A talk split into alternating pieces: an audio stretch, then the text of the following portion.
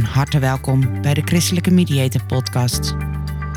De podcast voor christenen die te maken krijgen met een scheiding.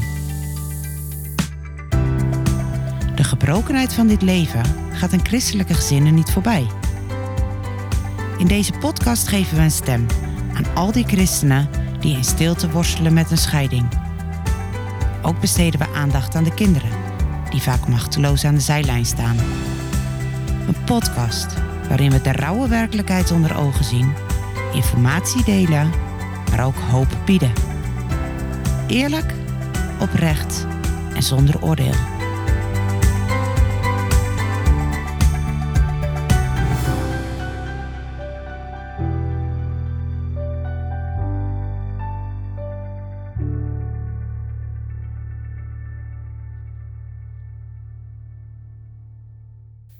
Bij de Christelijke Mediator Podcast. Goed dat je luistert.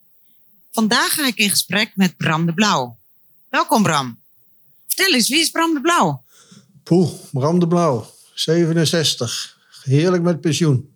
Jarenlang gewerkt bij de politie en de laatste 20 jaar bij Jeugd met een Opdracht. En we zijn eigenlijk gespecialiseerd in family ministries. Dus alles wat te maken heeft met huwelijk, opvoeding, jeugd, gezin, zorg na echtscheiding.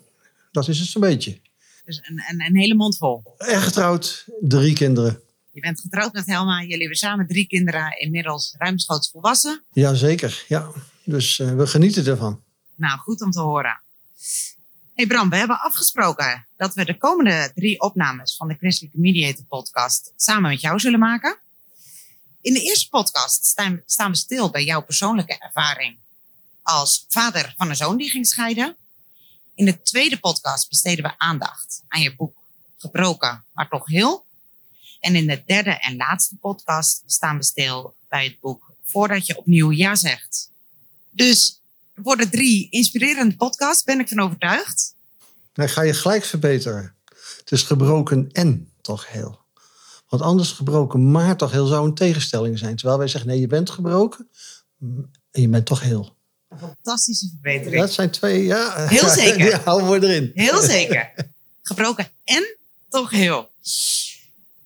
Maar nu als eerst, deze podcast, gaan we stilstaan bij jouw persoonlijke ervaring als vader van een zoon die ging scheiden. Hoe ver gaan we dan de geschiedenis in? Ja, eigenlijk ga je de geschiedenis in tot het moment dat eh, ik als jongetje met mijn ouders meeging naar de kerk. Ja. En daar gevoed werd in de leer zoals dat in de kerk ging waar, eh, waar wij kwamen. En waar ik leerde dat eh, echtscheiding niet kan, niet mag en heel erg is. En als je het toch doet, dat je naar de hel gaat. En, en daar begint eigenlijk mijn ervaring met echtscheiding. Want zoiets doe je niet. Dat kwam ook bij ons niet voor in de familie, sowieso niet. Maar ook in onze omgeving niet. En volgens mij kwam het in de kerk niet voor. En als we er toch een keer van hoorden, ja, dat was toch wel zo vreselijk. Daar, dat was het begin eigenlijk, ja. Is al heel, vanaf heel jongs af aan. Ja, ik weet niet beter. Ik weet niet beter. Het kan niet, het mag niet, is verboden. En als je het toch doet, En, en hoe was jouw. eh, eh, had, je, had je een mening? ja, kan niet, mag niet. Dus Want ik, ik had het eigenlijk gewoon overgenomen. Ik wist, ik wist ook niet beter. Ik, kwam in mijn omgeving ook niet voor. Eh, Helma en ik zelf eh, hadden ook gewoon... Ja, wij wisten ook, als we gaan trouwen, dan blijven we bij elkaar. Wat heel naïef eigenlijk. En, eh, en wij hadden ook goed afgesproken. Er is in ons huwelijk geen, eh, geen achterdeur. Dus wij kunnen niet weg. En dat is geen... Sommige mensen zullen misschien denken, oeh, wat eng. Dan zit je dus gevangen. Nee, we hebben gewoon met elkaar afgesproken. Er is geen achterdeur. Dus wij moeten ervoor zorgen, of wij zorgen ervoor, dat het altijd goed blijft gaan. Betekent dat dat het altijd goed gaat? Nee. Maar we laten het nooit zo ver komen dat we eruit zouden willen, want die achterdeur zit dicht. En, en als ik jou goed begrijp, zeg je van joh, ik ben er vroeger mee opgevoed dat die achterdeur voor elk huwelijk dicht zit.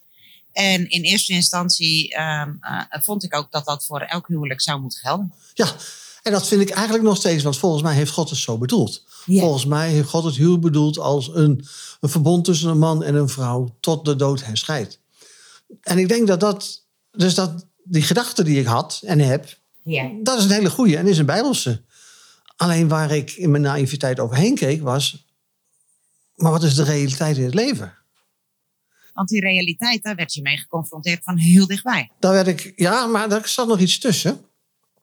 Want voor mij was het dus helder. Hè? Het kan niet, mag niet. Dus toen Helma en ik een, een, een opleiding deden bij Jeugd met een opdracht, een drie maanden school van Family Ministries. Dan in die tijd moet je een research paper schrijven. Een, een essay van een pagina of 12, 15. Ja. En dan moet je een onderwerp kiezen wat, wat in dat Family Ministries ge- wereldje leeft. En ik had gekozen voor een makkelijk onderwerp. Echtscheiding en hertrouwen. Ja. Want dat was helemaal, stond helemaal duidelijk vast. Zo zit het, zo heb ik het altijd geleerd. Dus je hoeft eigenlijk alleen maar op te schrijven wat je weet, hoe je het geleerd hebt. Je haalt er een aantal boeken bij en klaar. Dus dat ging ik doen. En eh, ik, eh, ik heb toen twee boeken gelezen daarvoor. En die hadden allebei dezelfde titel. Ja. Echtscheiding en hertrouwen in het licht van de Bijbel. En die hadden een precies contraire mening. Het waren bekende Bijbelmensen uit, uit Nederland. Eh, en de ene zei van, het kan niet, mag niet, is verboden. Afijn, de manier waarop ik ben opgevoed. En de andere zei, ja, klopt. God heeft het huwelijk anders bedoeld. Maar er zijn situaties dat het toch gebeurd is. En wat, wat doe je dan? En op wel- welke manier interpreteer je sommige Bijbelversen dan? En is er ook niet genade naast de wet? En nou, ik heb die twee boeken gelezen en nou, voor mij was het natuurlijk duidelijk. Het boek van die mensen die zeggen het kan niet, mag niet, dat, eh, dat was mijn mening. Ja. En ik was heftig ontstemd over die ene dominee die dat andere, die andere mening had. En ik zeg, dat, dat kan toch helemaal niet? En wat maakte je dan zo heftig ontstemd? Omdat ik altijd geleerd had dat de mening zoals die van het kan niet, mag niet, dat is verboden, dat dat de, de juiste was. Ik denk, hoe kan iemand dan er zo tegenin gaan? Ja, dus, dus je, je wist wat de waarheid was. En er was gewoon iemand die, en ook nog een, do een dominee notabene, die daar Precies. tegenin ging. Precies.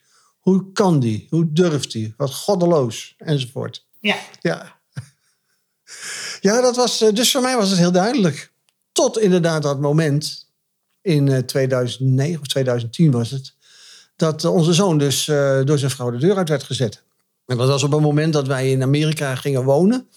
En eh, we hadden daar een huis gekocht, maar dat werd nog verbouwd. Dus we, we, sliepen op dat moment nog in een hotel. Een paar weken zaten we in een hotel. En eh, nou, nog maar nauwelijks waren we daar. En toen werd hij voor de eerste keer eh, eigenlijk het huis uitgezet. En eh, lag hij bij ons op, eh, op de hotelkamer op een, eh, op een matje naast ons bed te slapen. En dat heeft, heeft drie keer geduurd. De eerste twee keer heeft Helma nog met onze schoondochter daar, onze ex-schoondochter, kunnen praten. En nou, dus nog weer allerlei dingen en sorry en afijn. Maar de derde keer was, was definitief. Ze wilde van hem af. Ze wilde verder als single mom, zoals het, zoals het heette.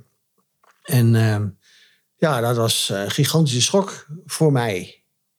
Niet dat, zij, ja, ja, niet dat zij verder wilde als single mom, maar gewoon het feit dat ze in mijn ogen zo, zo makkelijk er, er klaar mee was.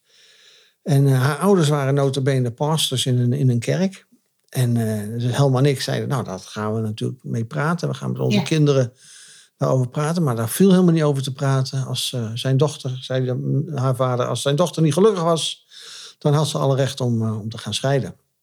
Dat is een nieuwe theologie voor mij op dat moment. En eh, nou, zo, eh, zo zat in één keer onze zoon dus in ons huis. Want wij woonden dus inmiddels ook dan in, in, in, in de, de plaats waar, waar hij ook woonde met zijn, zijn ex-vrouw. Twee kindjes. En onze zoon wilde niet scheiden. Eh, had hij eh, niks, eh, had hij een perfecte huwelijk gehad, was hij een perfecte echtgenoot. Zoals in elk huwelijk is er wat aan de hand en dat was bij hun ook best zo. Maar in onze ogen geen enkele reden om, om te scheiden. Want ja, überhaupt kon het al niet hè, van mij. Nee, Vanuit- die achterdeur van- was er niet. Nee, de achterdeur was er niet. En als het dan ook nog op deze manier ging... van ja, mijn dochter is niet gelukkig... dus als ze niet gelukkig is, mag ze weg. Nou, dat is- paste zo niet bij mij. Maar op een gegeven moment zat daar... of zat ik s'avonds in een... eh, in- we snel een kamertje eh, ingericht voor hem. En eh, zat ik op de rand van zijn bed. En hij stond echt te huilen. Hij schreeuwde het uit naar God. Van waarom? Ik wil dit niet. Ik wil getrouwd blijven. Ik wil vader, eh, hoofd van het gezin blijven. Ik wil... En ik zat, en keer schiet daar door mijn hoofd, terwijl ik daar naast die huilende man van 25 zit, want hij was pas 25. Kan niet, mag niet, is verboden. En als je het toch doet, kom je in de hel. Ik denk, ja, maar dat kan toch niet? Zo kan God het toch niet bedoeld hebben? Ik heb dit altijd gezegd van gescheiden mensen. En nou zegt mijn zit mijn eigen zoon hier. Die is aan de kant gezet. Die wil niet scheiden. En kan niet, mag niet. En als je het toch doet, kom je in de hel. Dat was wat je hoorde. Dat is wat ik hoorde in mijn Ja. hoofd. Want dat was mijn opvoeding. Dat was hoe ik dacht over, over echtscheiding. En, eh, en ik denk, ja, maar dit is toch niet eerlijk? Dit is toch niet fair? Nee, eh, kwam dan het andere stemmetje in je hoofd. Maar Bram, hij gaat wel scheiden. Ja, Ik, eh, ik, nou, toen ben ik mezelf echt tegengekomen. Ik denk, oké, maar wat is nu dan? En dan ga je allerlei dingen wat je vroeger ook wel eens hoorde. Van ja, maar schuldloos gescheiden. Eh, het was niet zijn schuld, dus dan, dan, dan mag het... eh, ja, dan is het wel erg, maar dan is het minder erg... als dat hij zelf het initiatief zou hebben genomen. Enfin, dat soort dingen gingen allemaal door mijn kop. eh, dan is hij het slachtoffer, niet de dader. ja, precies. En dan mag het wel, ja, dan mag het misschien wel. Maar dat gold voor mij op dat moment toen ik op de rand van dat bed zat nog absoluut niet. Ik, ik was, ik kwam met mijn theologie in, in botsing. Ik wist niet wat ik moest. Maar naast dat je met de theologie in botsing komt, kan ik me ook voorstellen dat het enorm heftig is om je zoon van de een op de andere dag daar zo kwetsbaar en zo intens verdrietig te zien zitten en zelf machteloos aan de zijlijn te staan. Ja, je kunt helemaal niks. En je zit daar en, dan, eh, ja, dan, dan spelen er allerlei mooie zalvende teksten door je hoofd. Die je ook absoluut op dat moment niet moet gebruiken. En ik weet ook nog goed dat toen ik daar had gezeten en hem de hele tijd, eh, zijn, zijn gang had laten gaan. Dat ik eh, naar de woonkamer stapte en daar, eh, daar ging ik zelf. En dat denk ik nu nog hoor. Ik kan er nu nog emotioneel van worden als je Ja. dan beseft van... Potverdikke me. Niemand wil dit. Niemand wil dit. En dan toch gebeurt het. En het gebeurt onder je handen en je kunt er helemaal niks aan doen. Wat maakt je dan het meest verdrietig? Dat je niet lukt om het plan van God wat hij heeft met het huwelijk, wat zo mooi is, om dat in stand te houden. Dat er toch iemand is die een besluit neemt, zijn, eh, zijn vrouw eh, op dat moment, een besluit neemt om er mee te stoppen. En die dus gewoon een huwelijk kapot maakt, je, je kind, je zoon kapot maakt, eh, de twee kinderen die ze hebben, het ouderlijk eigenlijk ontnemen, het vader en moeder zijn weghalen. Zit zoveel pijn en verdriet en, en schade door, door die breuk, door die gebrokenheid. Ja. Dat. Je denkt, en het is dan niet meer te herstellen. Hè? Het is niet meer te herstellen. En, nou, en die machteloosheid inderdaad. En ook gewoon de, de, hoe, hoe, hoe wreed het kan zijn. Want ik weet nog goed, op een gegeven moment, ik was jarig, 5 januari 2010 was het volgens mij. En eh nok op de deur. En eh, ja, en toen vroegen ze, are you Mr. De Blauw? Yes. You have been served. En hierbij wordt je aangezegd dat je eh, eh, gerechtelijke papieren hebt gekregen. En dan krijgt hij dus die envelop waarin die aanvraag tot de scheiding staat. Hij wordt dan betekend aan hem. De deurwaarder staat aan de deur. Ja. Och, dat blijft de rest van je leven gewoon door je kop spelen. Een traumatisch moment Ja. gewoon. Nog. Daar staan ze. Ja, en je zag hem ook, onze zoon, je zag hem ook helemaal instorten. Want hij wist dat het ging gebeuren. Maar als het dan toch gebeurt, dan is het eh, ja, heel pijnlijk. Heel pijnlijk.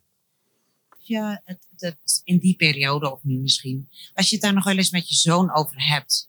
ehm, heeft hij het enig moment aanzien komen? Of was het echt... Nee, niet echt. Nee, niet echt. Maar dat heeft ook een beetje te maken, tenminste dat zeg ik nu als, eh, als vader. Het heeft ook een beetje te maken, ze zijn veel te snel getrouwd. ze waren veel te jong. En eh, ze waren eigenlijk te weinig voorbereid. En, en ze, ze hadden het niet makkelijk. Ze moesten, hij moest er hard voor werken. Zij kwam uit een achtergrond die, eh, die heel moeilijk was geweest. Dus eh, onze zoon is een, is een entrepreneur die, die los vast, die doet van alles. En die, ach, man. Maar zij komt juist uit een gezin waar dat ook wel. eh, haar vader had dat ook gehad, maar die was niet zo succesvol. Dus eh, ze hadden een paar keer zonder licht gezeten, zonder elektriciteit, zonder gas. En dan was het huis bijna weer onder een gat wegverkocht. En dus die, mijn, onze ex-schoondochter wilde zekerheid. Die had liever dat hij hamburgers ging flippen bij McDonald's... dan dat hij veel geld binnenbracht met los werk hier en los werk daar. En dus ze pasten achteraf helemaal niet bij elkaar. Maar dat hadden zij niet in de gaten. En hij, ja, je mag best weten, hij, uh, hij heeft haar ontmoet uh, op, een, uh, op een van de schepen van Jeugd met een Opdracht. Daar deed zij haar discipelschapstrainingsschool. En Helma en ik werkten aan boord van het schip. En onze, Bernd, onze zoon, ja, die was gewoon bij ons. Want onze zoon was bij ons. Ja. Daar hebben ze elkaar gezien, ontmoet. Daar heb ik, hebben wij toen ook haar ouders al ontmoet. Dat was heel, eigenlijk heel typisch nog.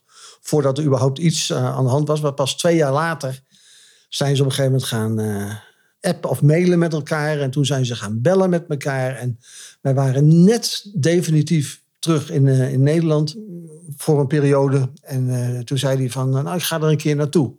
Ja. En, uh, en hij zei nog tegen mijn pap, ik zei, hij zei, ik hoop wel dat ik, ze, haar, dat ik haar nog herken op het vliegveld. Het was al zo lang geleden. En hij kwam een week later getrouwd terug. Inderdaad, ach. En wij schrokken ons helemaal kapot. We denken, wat is dat nou?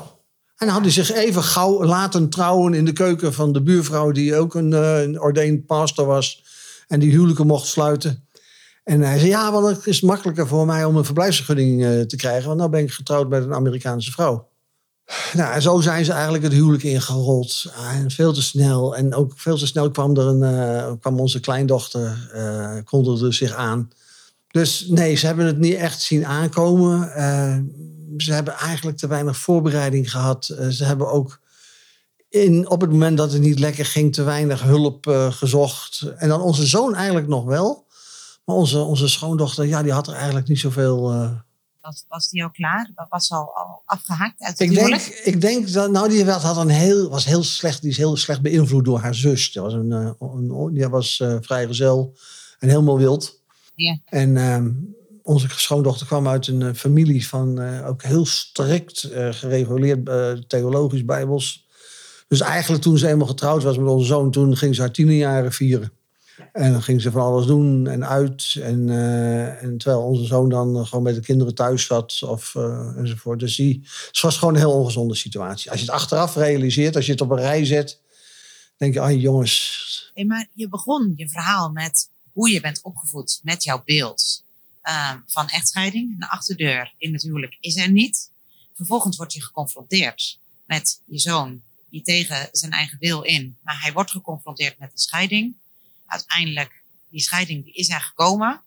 En als vader, maar ook als opa, um, kijk je toe. En, en um, wat heeft dat vervolgens met jouw beeld gedaan? Want je vertelde net wel, er is een heleboel in je hoofd gebeurd van ja, maar hoe kan dat nou? En, en aan de ene kant hoor ik God zeggen, um, uh, dit kan niet, dat mag niet. En, en uh, God haat scheiden. Ja.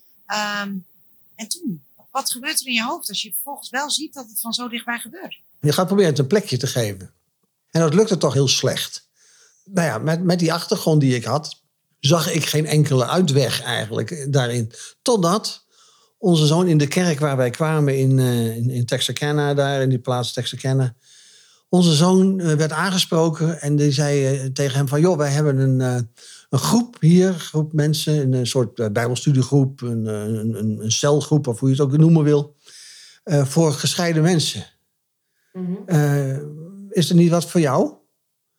Dus hij, hij, hij had, had het nog niet eens tegen ons gezegd. Of misschien had hij het ook wel gezegd. Maar is bij mij het ene oor ingegaan, het andere oor uitgegaan. Afijn. Hij was er één, twee keer naartoe geweest. En dat was zo geweldig voor hem. Er was een eh, mevrouw die dat leidde. En het was een groepje met uh, een paar mannen en een paar, paar, vrouwen die gescheiden waren of in een scheiding zaten. En die elkaar hielpen om in die verwerking van die scheiding uh, voor elkaar iets te betekenen. Maar ze kregen ook een heel scherpe waarschuwing van die leidster. Van bijvoorbeeld, kijk uit dat je niet in een rebound-relatie valt. Hè. Dat bijvoorbeeld uh, dat je snel een andere vriendin krijgt of een andere vriend krijgt. omdat je je zo af afgewezen voelt. Of dat je hè, zo bij de vuilnisbak gevoel hebt dat je denkt dat je weer een relatie nodig hebt. Pas op, je bent nu gescheiden of je bent nu van elkaar. Neem de tijd, neem de tijd. Dus er werden daar echt aan, aan de hand van een programma werden ze eigenlijk meegenomen in de verwerking van de scheiding. En toen zei ik tegen mijn vrouw, tegen Helma, ik zei, joh, in de kerk doen ze dat. Ja. In de kerk. Hoe, hoe, hoe, hoe doen ze dat? Hoe, vanuit welke achtergrond doen ze dat? Hoe kan dat nou? Bij ons, het, is, het kan toch niet en mag toch niet? Dat is ons toch geleerd? Dus we zijn ons er toen meer in, uh, gaan verdiepen. En, uh, we hebben ook een, een, cursus gevolgd bij de American Association for Christian Counselors. Uh, een, een, online cursus van, van zorg naar echtscheiding, divorce care. En ja, dat, wij, wij, kwamen tot ontdekking. In Nederland kijken wij niet verder dan de scheiding. In Nederland keken we toen, hè, want we hebben het nu wel over tien jaar geleden, keken we niet verder dan de scheiding. Maar hier kijken ze ook achter de scheiding en kijken ze naar de mensen die er doorheen zijn gegaan. En wat betekent dat voor hen? En hoe betekent dat in de relaties van God naar deze mensen? En houdt God van deze mensen? Ja, natuurlijk houdt God van deze mensen. Het zijn hun zonen en, het zijn koning, zonen en uh, dochters van de, van de koning. Natuurlijk houdt. En dan denk ik van, maar hoe dachten ze dan in mijn kerk en in Nederland er dan over? Als je gescheiden was. Ja, maar en dan kwamen we alle dingen. Ja, tucht hoorde ik. En, uh, en niet meer aan het avondmaal. En, soms mocht je ook niet eens meer in de kerk komen. En nee, oh, wat een verschil. En hier hebben ze een groep mensen die samen praten over hoe verwerk ik die scheiding. En ja, dat was voor mij heel bijzonder. En, twee werelden. Ja, een heel andere wereld. Maar ze gingen er ook zo oprecht mee, mee overweg. Gewoon, het werd niet goed gepraat. Nee, natuurlijk niet. Ja, want dat verwijt krijgen wij zelf ook wel eens toen wij daarover praten, dat wij dat mooi vonden. Ja, maar nee, dus jullie zijn voor scheiding. Ik zei nee, absoluut niet. Alleen, behalve de wet dat het niet mag, is er ook genade dat je zegt, maar God accepteert jou zoals je bent. En ik denk dat God nog harder huilt in de hemel, als je het zo visualiseert, dat God harder huilt in de hemel dan de mensen zelf. Omdat hij het vreselijk vindt dat zo'n zo'n huwelijk opbreekt. Dus dat was, ja, dat was, voor, was een, hele, een hele omkeer. En toen hebben wij tegen elkaar gezegd van, joh, dit zouden we mee naar Nederland moeten nemen. Want wij, hoorden, wij hadden dat eigenlijk nog nooit gehoord hier. Over een groep en dat je voor elkaar zorgt. En wij hadden alleen maar gehoord, nee, je hoort er eigenlijk niet meer bij. En in sommige kerken zagen we dat ook. En zien we het trouwens helaas nu nog af en toe. Dat ze eigenlijk het liefste die mensen een klein beetje naar de, hun achterdeur van de kerk duwen. En ze, als, ze, ze duwen ze er niet zelf nog meer uit. Maar als die mensen zelf besluiten om eruit te stappen, vinden ze het eigenlijk wel makkelijk. Want dan kunnen ze zeggen, ja, nee, bij ons in de kerk gebeurt dat niet. Ja, precies. He, dan, en dat, dan, en dat, die, ja, die hypocrisie, daar, daar heb ik me wel aan gestoord. Dat denk ik, oh joh, maar het gebeurt. Het Wat gebeurt. bedoel je met, met die hypocrisie? Nou, wij, de hypocrisie van, wij zijn christenen en we weten precies hoe God het bedoeld heeft en dat, dat, dat, dat. Maar voorlopig daarnaast, als een van je broers en zussen overkomt, niet de liefde laten zien die de Heer God ons laat zien. Maar ze eigenlijk gewoon naar buiten schuiven. Of inderdaad zeggen, nee, dan mag jij niet aan het avondmaal. Of op een manier pastoraal, en tussen aanhalingstekens, eh, met, met, met mensen omgaan. Dat ik denk, van, maar hoe, hoe heb je nou echt geen kaas gegeten van hoe ga je om met... We hebben situaties gehad de afgelopen jaar van, van van, van vrouwen die, die echt seksueel vernederd en, en misbruikt waren in hun huwelijk. En dat niet meer aankonden en, en wilden scheiden. En dan komt er een tweetal mannen Ja. op bezoek om daarover te praten. En eh, ja, mevrouw, kunt u ons dan vertellen van eh, wat het dan eh, is? Want ja, uw man ontkent dat, dat het gebeurd is. Dus dan ja, kunt u, wilt u dan even vertellen van wat er gebeurde in uw... Ja, vreselijk. denk ik, jongens, hoe kun je dat? En je kunt het die mensen nog niet eens kwalijk nemen, want het is misschien de bakker van de hoek en een accountant die samen geroepen zijn om ouderling te zijn in een gemeente en daar naar beste weten hun taak uitvoeren. Ik niets ten nadele van, van, in, van dat tweetal, maar jongens, Het kan niet. het kan niet. En, en je hebt geen idee waar je over praat als je praat over, over echtscheiding. En over de, de dieptes waar die mensen doorheen gaan en de gevoelens. Ik bedoel, de manier waarop ik die zoon van ons zag liggen daar op dat bed en schreeuwen, echt schreeuwen naar God. Dat was niet normaal. Dat was gewoon echt haast dierlijk boos zijn op God. En, en En uitschreeuwen naar hem. En dan moet je niet gewoon een tweetal laten praten van... Hoe gaat het nou met u wat is er precies gebeurd? Het, die emotie, die, die zit zo diep. Ja, en, en, en dat dierlijk schreeuwen en dan met de wijzende vinger daar tegenover gaan staan... is misschien wel het laatste wat op dat moment nodig is. Ja, nee, dat kan helemaal niet. Dat, dat, dat kun je, ja, maar ja, ik zeg dat kun je niet maken. En dat zeggen wij nu omdat we er misschien heel diep in zitten... in die hele stuf van zorg naar echtscheiding. Maar voordat onze zoon gescheiden was en ik uit die kerk kwam waar ik uitkwam... toen wist ik het gewoon niet beter... En ik had toch ook al gezegd in, de, in die research paper dat dat rechtlijnige van dat ene boek, dat was het juiste. Dus eigenlijk zeg je, ik, ik begrijp ook dat er mensen zijn die er zo naar kijken. Ik snap het helemaal. Ik snap het helemaal. Alleen, als we dat dan snappen, sta er dan met elkaar nu voor open om ook de andere kant te horen. En te kijken naar die genade. En te snappen van, oh wacht even, ja die wet die klopt. En God heeft het zo bedoeld. Maar als het dan gebeurd is, wat gaan wij nu doen? Wanneer, in plaats van een vingertje wijzen, ik, wil die, ik moet nu die arm om die man of die vrouw heen leggen. En zeggen van, joh, wat ontzettend naar voor je.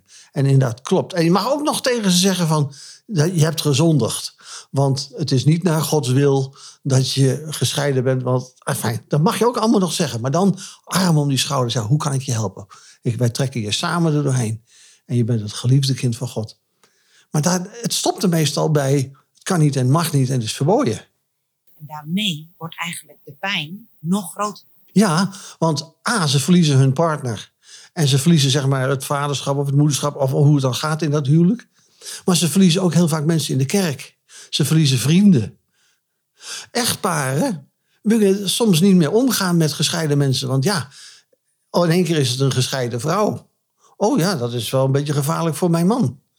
Dus ja. het is misschien niet handig om als echtpaar dan meer bij hem op bezoek te gaan. En wat zegt ze? Had ze jou gevraagd om een schilderijtje op te hangen? Nou, ik heb liever niet dat je erheen gaat. Want ja, het is wel een gescheiden vrouw. Dus ze verliezen vriendschappen.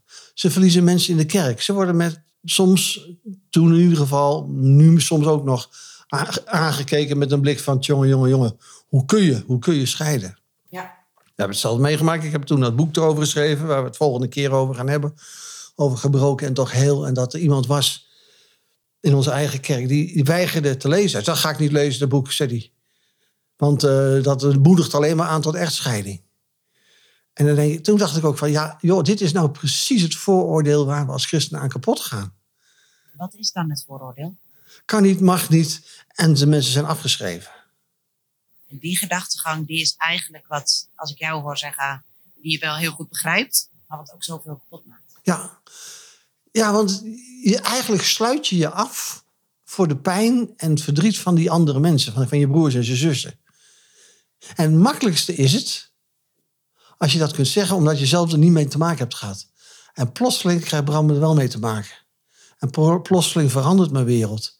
En plotseling hou ik, nou niet plotseling, maar dan hou je zoveel van je zoon. Dat je zegt, ja, maar hallo heer, dit, dit kunt u niet menen. Dit, als u dit echt meent, dit, dit, dit, dit, mag u niet menen. En dan lees ik in de Bijbel inderdaad dat hij dat ook niet zo bedoelt. Hij is duidelijk over het huwelijk. Hij is duidelijk eh, tot de dood ontscheidt. Maar als het dan toch gebeurt, dan is hij er voor ons. De Heer Jezus is ook daarvoor al gestorven aan het kruis. En de Heer Jezus is ook daarvoor, die staat met zijn armen wijd. En wij, wat doen wij? Wij wijzen af. Ja. Of wij wezen af. Want ik zie echt verbetering hoor. De laatste, ja, is niet door ons. Maar ik denk ook gewoon doordat het zoveel voorkomt in de maatschappij. En sommige groepen die, waar het vroeger nooit bij voortkwam, daarvan zie ik nu eigenlijk dat ze een soort inhaalslag aan het maken zijn van het aantal echtscheidingen wat je in hun uh, gemeentes uh, ziet. Nou, dat, dat, dat, zien we zeker. En uh, ik vind, vind het daarmee heel mooi dat je zegt, joh, eh, de Bijbel is er heel duidelijk over, maar we hebben ook een God van vergeving en een God van genade. Ja. En dat mogen we niet vergeten. En dan kunnen we niet alleen maar onze ogen sluiten en dan kunnen we niet alleen maar mensen afwijzen. Maar dan is het ook onze opdracht om er te zijn en om er te staan naast onze medechristenen ja, precies, Precies. We zeggen altijd, we moeten over de, over de wet heen. De wet is heel duidelijk en die klopt ook. Punt. Maar daarna, daarna komt die genade. En er zijn ook kerken die vinden het heel moeilijk. Want sommige kerken die zijn ook bezig zeg maar, om, om te kijken naar hun beleidsuitgangspunten, theologische beleidsuitgangspunten over over echtscheiding en, en hertrouwen. En dat is dan heel vaak een, een strijd in, in, in een gemeente.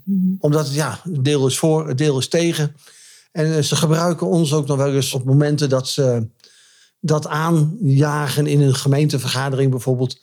Dan gebruiken ze ons nog wel eens om even eh, de, hoe heet het dan?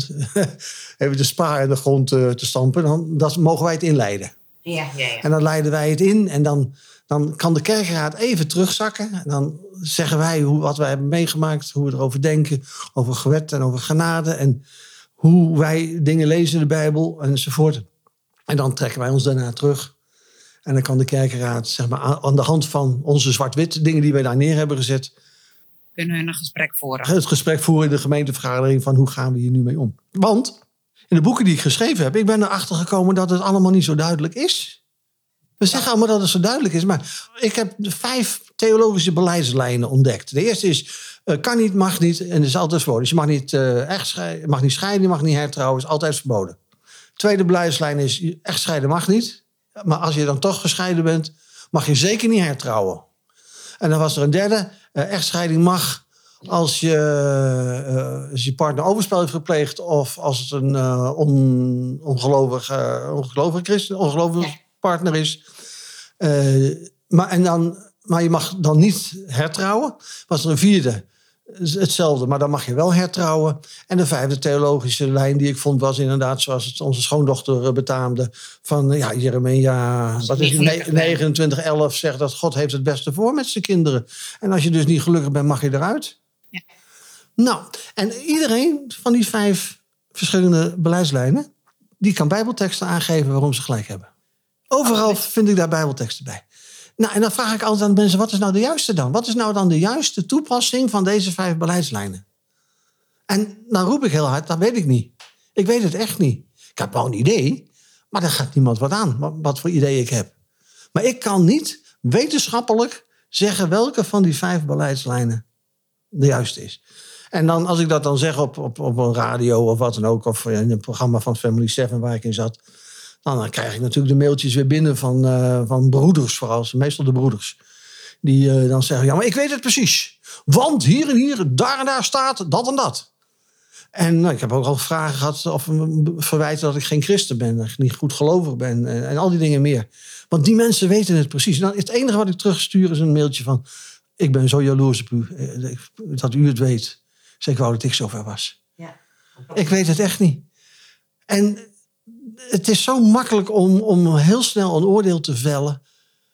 En dan hebben wij het nog maar van een afstand meegemaakt.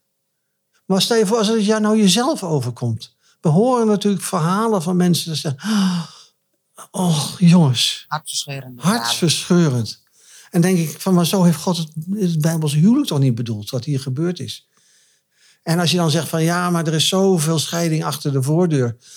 Er zijn zoveel huwelijken, waarvan als je er echt naar kijkt, dat je zegt, het is geen Bijbels huwelijk. We hebben wel eens hu- hulp, zijn wel eens tot hulp geweest bij, bij mensen. En allebei weigerden ze de eerste stap te zetten. Ze zaten echt in de diepte in de, van hun eh, relatie. Ook een paar kinderen. En geen van beiden wilde de eerste stap naar verzoening zetten. En zondag zaten ze keurig naast elkaar met het hele gezin in de kerk. Want ja, scheiden mag niet. Ja. En dan, ja, nou, dan kom ik weer met dat woord hypocriet aan. Denk ik, jongens, hoe kun je dat dan verantwoorden naar elkaar? Om de minste, de onderste weg te gaan en, en te vergeven en, en lief te hebben. En al die dingen die er, hè, liefde en respect, noem er alles maar op. En gewoon weigeren om die eerste stap te zetten. Ja, ik snap daar helemaal niks van. Eigenlijk hoor ik je dan zeggen, er is zoveel leed en er gaat zoveel, er is zoveel pijn en er gaat ook zoveel verkeerd binnen christelijke huwelijken. In huwelijken in, in, In het algemeen, ja. Ehm, en tegelijkertijd zeg je, ik denk in ieder geval ervan overtuigd te zijn dat het onze opdracht is om als christenen te zorgen dat we naast eh, onze medechristenen staan die lijden en die in eenzaamheid worstelen met het feit dat eh, hun huwelijk in zwaar weer zit of dat ze uit elkaar gaan. In plaats van dat wij de nadruk leggen op echtscheiding dat niet mag, zouden we terug moeten naar het begin. Wij moeten zorgen met elkaar als kerken en, en, en gemeentes dat we de huwelijken ondersteunen. Ja. En eigenlijk zouden we ook heel duidelijk moeten zijn dat als wij iets zien gaan gebeuren, dat we zeggen van jongens, dit zou, jullie zouden niet moeten trouwen. Ik bedoel, wij waren heel erg verrast toen onze zoon dus getrouwd terugkwam uit de Verenigde Staten. De eerste keer. Maar we konden niks meer, want Ja, het, was, al gedaan. het was al gedaan. Ja. Want voordat zij wegging, toen, toen had hij het wel even laten vallen. Hoor. Hij zei, nou, anders moet ik maar gewoon gelijk trouwen. Dan eh, heb ik... zei, nou, als je dat wil, ga nou eerst maar eens daar naartoe. En als je dan eh, nog steeds het vuur eh, hoog staat... zei, dan kun je altijd aan het eind van het jaar of zo eh, naartoe. Ah, fijn. Ja, doe maar rustig aan. Ja, maar je bent al te laat. Ja. Maar dit, zij hadden eigenlijk nooit mogen trouwen. Op dat moment. En dat zien we wel vaker. En helaas, ja, wij zeggen soms wel eens helaas. Al- Aan boord van dat schip waar wij gewerkt hadden, wat ik je net noemde. Ja. Dat was een, een, een christelijk hulpverleningsschip van, van Jeugd met Opdracht, eh, Mercy Ships. En er waren heel veel jongelui aan boord. Allemaal eh, in, eh, echt jongen, heel enthousiast. Dus iedereen werkt daar in zo'n christelijke bubbel. Allemaal jongens en meisjes in, de, in de kracht van hun leven. Of we daten, dat, dat, ja, dat was dan man, vreselijk. Dus ik zeg altijd, de hormonen spoot over dek. ja. En nou, je mocht daar daten als je een ouder echtpaar zocht dat, waar je eh, verantwoording aan eh, aflegde. Want je mocht, nou ja, je mocht niet bij elkaar in de hut. eh, Je mocht niet dit, je mocht niet dat. Want ze wilden wel voorkomen dat dat... goed. Dus wij hadden een heel... Elke keer hadden wij stellen op onze bank... die, die elkaar heel lief vonden... en in die christelijke bubbel het geweldig hadden. En wij zijn achteraf dolgelukkig dat geen van die stellen met elkaar is getrouwd. Want, want het is prachtig om in zo'n christelijke bubbel... waar je twee we- weken of twee maanden zit... in één keer het vuur over te laten slaan. Maar op het moment dat je die loopplank afgaat... en één keer midden in de maatschappij staat... Komt het echte leven. en uit die bubbel bent... dan komt het inderdaad het echte leven. En dan moet je wel dezelfde taal spreken... en dan moet je wel dezelfde achtergrond hebben. Afijn, er zijn heel veel dingen... allerlei ro- rode vlaggen... die wij op die bank bij ons al de lucht instaken. Ja. En waarbij zij al zoiets hadden van... "Hmm, hmm, misschien toch maar niet. Andere stellen, weten wij wel, die zeiden... oh, wat leuk, ja, wat goed, ja, wat fijn. En die zaten het echt juist te pushen. En wij hadden zoiets van, oh nee jongens, Doe voorzichtig niet doen, niet doen, niet doen. Geef het de tijd. En ter afsluiting, eigenlijk zeg je nu eh, van joh, ehm, we, we leggen nu heel erg in de kerk het focus op, op echtscheiding, maar we zouden veel meer de focus mogen leggen eh, op voordat mensen trouwen, maar ook op de huwelijk zelf.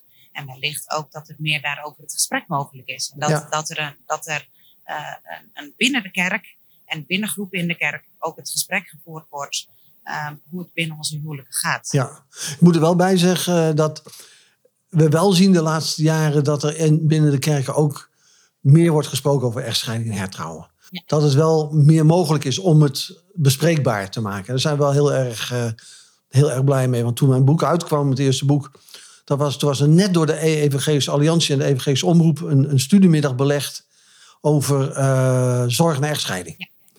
En, en toen kwam ook net mijn boek uit. Dat is heel toevallig. Nou ja, toeval bestaat niet. Eh, maar eigenlijk is toen een heel stuk gestart van de erkenning dat je gescheiden kunt zijn. Dat het een En, feit de- is. en dat het dus een feit is en dat daar dus gewoon hulp nodig voor is. En dat het gewoon gewone, fijne broeders en zusters zijn. Die gewoon recht hebben op hun plekje in de dienst op zondag en binnen de gemeente. En waar het niet zo moet zijn dat als er, een, als er gescheiden vrouw is, wat we hoorden, als dan een tweetal op bezoek kwam, dat ze eerst allerlei foto's van de muur moesten halen. Omdat ze niet wist, zo- zoals ze niet te weten kwamen dat ze gescheiden vrouw was.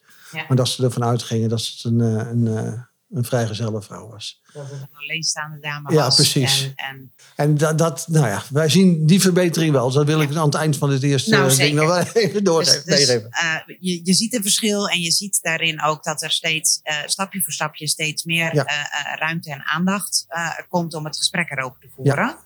En als ik jou zo beluister, juich je dat van harte toe dat het gesprek erover gevoerd wordt. Ja, zeker weten. Nou, ik vind het heel fijn dat we een volgende podcast weer eh, met jou in gesprek gaan, want er is nog eh, genoeg te bespreken. Dankjewel. Dank voor het luisteren naar de Christelijke Mediator Podcast.